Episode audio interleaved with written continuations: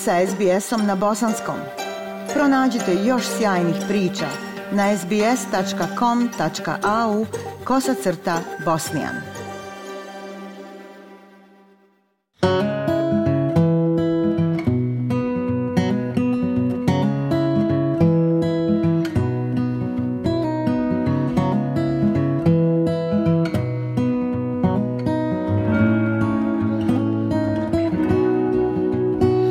Slušate SBS program na Bosanskom.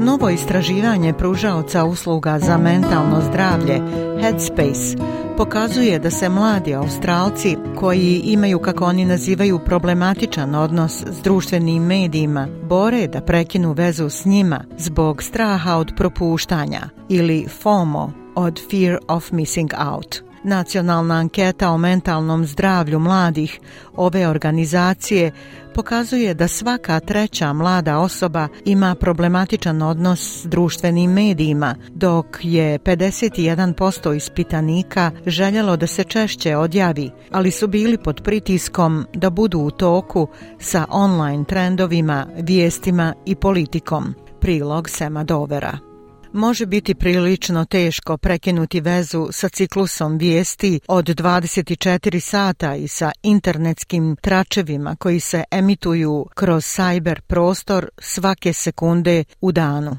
Anketa nacionalne organizacije istraživanja mentalnog zdravlja mladih obuhvatila je više od 3000 australaca u dobi između 12 i 25 godina, Rezultati pokazuju da svaka treća mlada osoba ima problematičan odnos prema društvenim mrežama, dok je 51% ispitanika željelo češće da se odjavi, ali su se osjećali pod pritiskom da prate internet, trendove, vijesti i politiku. Vršilac dužnosti šefa kliničkog vođstva u Headspace-u Nikola Palfrey objašnjava kako ovaj problematičan odnos može izgledati. The problematic comes with either seeing content that's distressing or upsetting Problem dolazi ako vide sadržaj koji je uznemirujući ili zbog kojeg se osjećaju loše na druge načine, što može biti kroz nepovoljno upoređivanje s onim što se čini da drugi ljudi žive određenim stilom života ili izgledaju, a na određen način za koji svi znamo da može biti prilično modificiran za društvene medije, tako da taj štetan ili problematičan aspekt toga čini ili da se osjećaju loše zbog sebe ili da ih plaše ili uznemiruju ili ih također spriječava da se bave drugim aktivnostima izvan interneta, na primjer, da znaju da je dobro za njih da izađu vani ili vježbaju ili da dovoljno spavaju. 44% ispitanika u Headspace-ovoj anketi vjeruje da je sadržaj koji vide na platformama društvenih medija više negativan nego pozitivan. Drugo istraživanje pod nazivom Dove Self-Esteem Project objavljeno u aprilu, pokazalo je da od hiljadu djevojčica između 10 i 17 godina, 9 od 10 njih kaže da je izloženo sadržajima o ljepoti na društvenim mrežama zbog kojih se osjećaju manje lijepima. Međutim, ista grupa je i dalje u velikoj mjeri cijenila prednosti ovih platformi, a 79% njih smatra da bi oni mogli biti najautentičniji na društvenim mrežama. Gospođa Palfri kaže da se mladi ljudi često osjećaju osnaženim količinom informacija i autonomijom koju imaju pristup putem digitalnih kanala. Dakle, imate četiri od deset ljudi koji kažu da i oni smatraju da je to osnažujuće. Kao što svi znamo, sa društvenih mreža uvijek postoji balans i mladi ljudi smatraju da online iskustva mogu biti zaista korisna za njih i osjećaju se da su agenti i mogu biti povezani s pitanjima koja ih zanimaju, ali i sa drugim drugim grupama mladih ljudi s kojima se mogu identifikovati ili s kojima na drugi način nemaju pristup u stvarnom životu. Dakle, postoji stvarna korist od toga. Ove prednosti su također pronađene u istraživanju Paula Byrona, koji je viši predavač digitalnih i društvenih medija na Tehnološkom univerzitetu u Sidneju. Proučavao je prednosti koje su internetski prostori imali na LGBTIQ plus zajednicu. On kaže da to pomaže ovim ljudima da pronađu ljude koji su poput njih. The main positives that I'm seeing there are connection to community, Glavne pozitivne strane koje vidim je povezanost sa zajednicom i povezanost sa vršnjačkom podrškom. Dakle, često mogu pronaći više povezanih prostora na mreži i ljude koji su prošli kroz ono što doživljavaju i koji mogu podijeliti svoja lična iskustva. Njihov rad ima za cilj da centrira iskustva mlade osobe u korist onoga što on naziva pristupom od ozgo prema dole, koji dolazi od zabrinutosti starih Australaca prema društvenim medijima. Međutim, gospodin Byron priznaje da, kao i svaki društveni prostor, platforme društvenih medija imaju potencijalne štete. So I think a lot of the debate and discussion is very top down and it's it's very much driven by Mislim da se većina debata i diskusija odvija od vrha prema dole i da je u velikoj mjeri vođena figurom zabrinute odrasle osobe. Tako da moj interes zapravo vodi sa prednostima ili uzimanjem pristupa zasnovanog na prednostima mladih ljudi i korištenjem društvenih medija. Zato što ne želim reći da mladi ljudi ponekad nemaju loše iskustvo. Imaju. Mislim da kod društvenih medija treba imati na umu da su to društveni prostori, a u svakom društvenom prostoru postoji uvijek drama, uvijek ima sukoba, uvijek postoje prilike za maltretiranje i nepravedan tretman.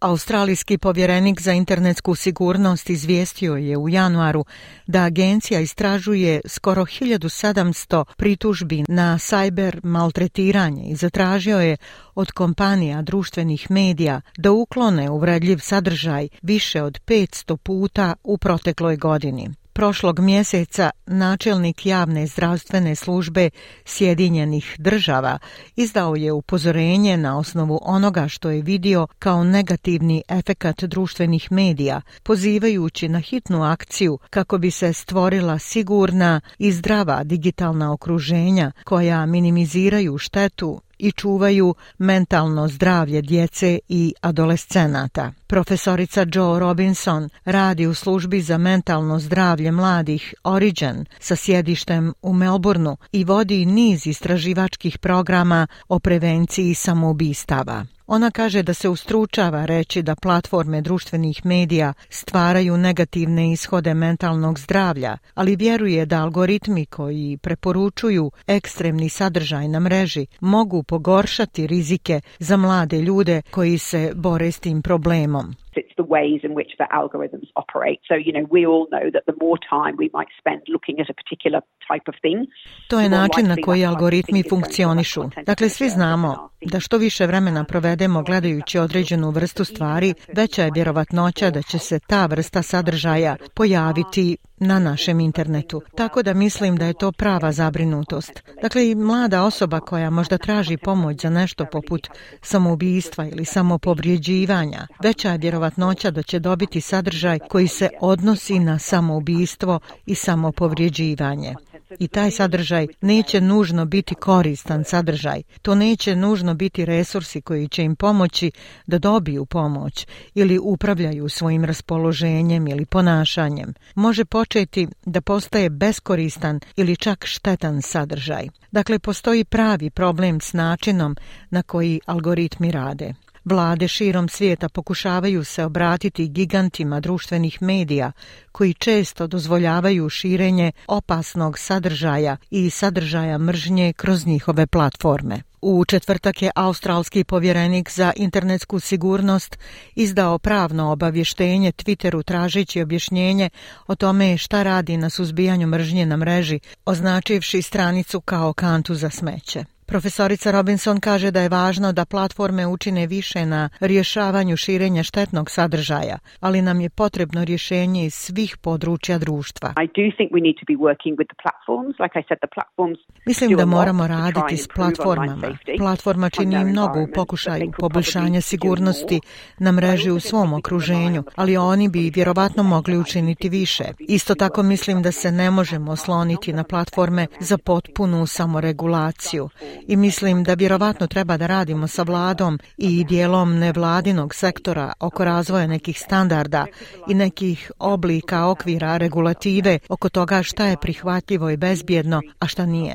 Ne mislim da se mladi ljudi oslanjaju na sebe kako bi se zaštitili i ne mislim da će se industrija samoregulisati. Bilo koja od tih stvari sama po sebi će biti dovoljna. Pasi Salberg, profesor obrazovnog liderstva na univerzitetu u Melbourneu, kaže da roditelji također moraju imati centralnu ulogu u brizi o digitalnim interakcijama svog djeteta i da se aktivno angažuju sa svojom djecom u korištenju prostora društvenih medija. The worst thing that the adults can do either whether it's about parents or, or educators is to, is to leave uh, these young people so to speak on their own devices. Najgora stvar koju odrasli mogu raditi bilo da se radi o roditeljima ili vaspitačima jeste da ostane ostave te mlade ljude, da tako kažem, na sobstvenim uređajima. Ako se radi o igricama sa dječacima, jedna stvar koju roditelji mogu uraditi jeste da se igraju s njima i da pokušaju viditi šta oni rade. Ako se radi o društvenim medijima, roditelji mogu pokušati komunicirati onoliko koliko etički prikladno da se pridruže djeci i da pokažu da im je stalo. Ovaj stav odražava i Nikola Palfrey iz Headspace-a. Ona kaže da vjeruje da roditelji trebaju pristupiti temi društvenih medija sa radoznalom malošću kako bi naveli svoju djecu da se otvore. I mean, I think it's a shared responsibility. This is a, a place and space that kids Mislim da je to zajednička odgovornost. Ovo je prostor u kojem se djeca igraju, u nedostatku bolje riječi. I prečesto mislim da odrasli dolazi s prilično grubim odgovorom. Samo znate, isključite telefon, izađite van takvih stvari kada razgovarate. Smatram da je, kao i kod većine stvari, mnogo bolje biti znati željan i zaista zainteresovan za svoju mladu osobu i šta ona možda radi. Ako uđemo s radoznalošću, pitajte ih šta oni imaju od toga toga, ono što znaju, šta im je bilo drago i puno je vjerovatnije da će podijeliti s vama i vjerovatnije je da će doći po podršku ako im zatreba, a to je ono što želimo. Ne želimo da mladi ljudi sami rješavaju ovakve stvari. Ja sam Aisha Hadži Ahmetović. Ostanite uz SBS program na bosanskom jeziku. SBS na bosanskom. Podijelite naše priče preko Facebooka. Želite poslušati još ovakvih priča? Slušajte preko Apple podcasta, Google podcasta, Spotify ili kako god da primate svoje podcastove.